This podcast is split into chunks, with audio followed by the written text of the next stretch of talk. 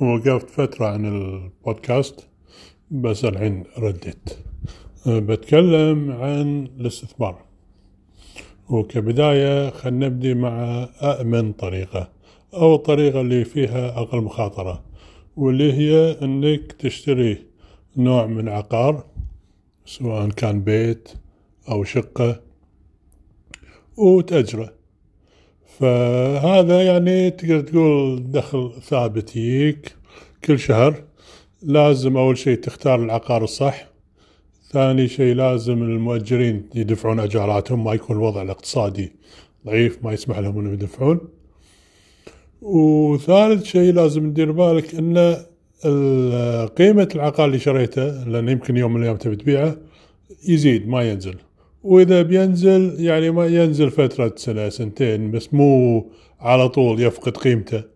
يعني مثلا لو كان عقارك مكان يم بركان مثلا ما تبي تنزل قيمته للصفر لأن خطورة البركان إنه يحرق عقارك.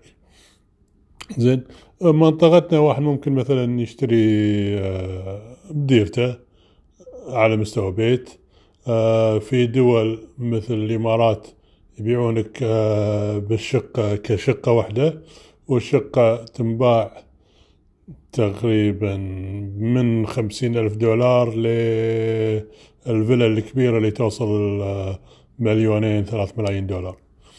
و والشيء الثاني لازم تنتبه له ال return on investment ال ROI اللي هو الإيراد اللي يجيك من من العقار فتنحسب كحسبة مئوية. فتجمع إجمالي الإيجارات اللي راح تحصلها بسنة على قيمة العقار الحالية. فالمعدل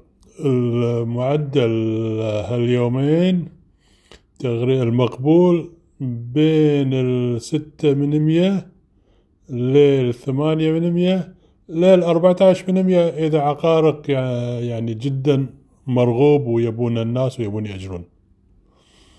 وطبعا بأي استثمار ديروا بالكم والطرف الثاني لازم يكون طرف يعني أمين إذا شريتوا منه وأحسن يكون يعني تحت نوع من رقابة حكومية أن أساس ما يصير في أي حالات نصب أو يعني تخسرون فلوسكم من غير ما تحصلون عقاركم.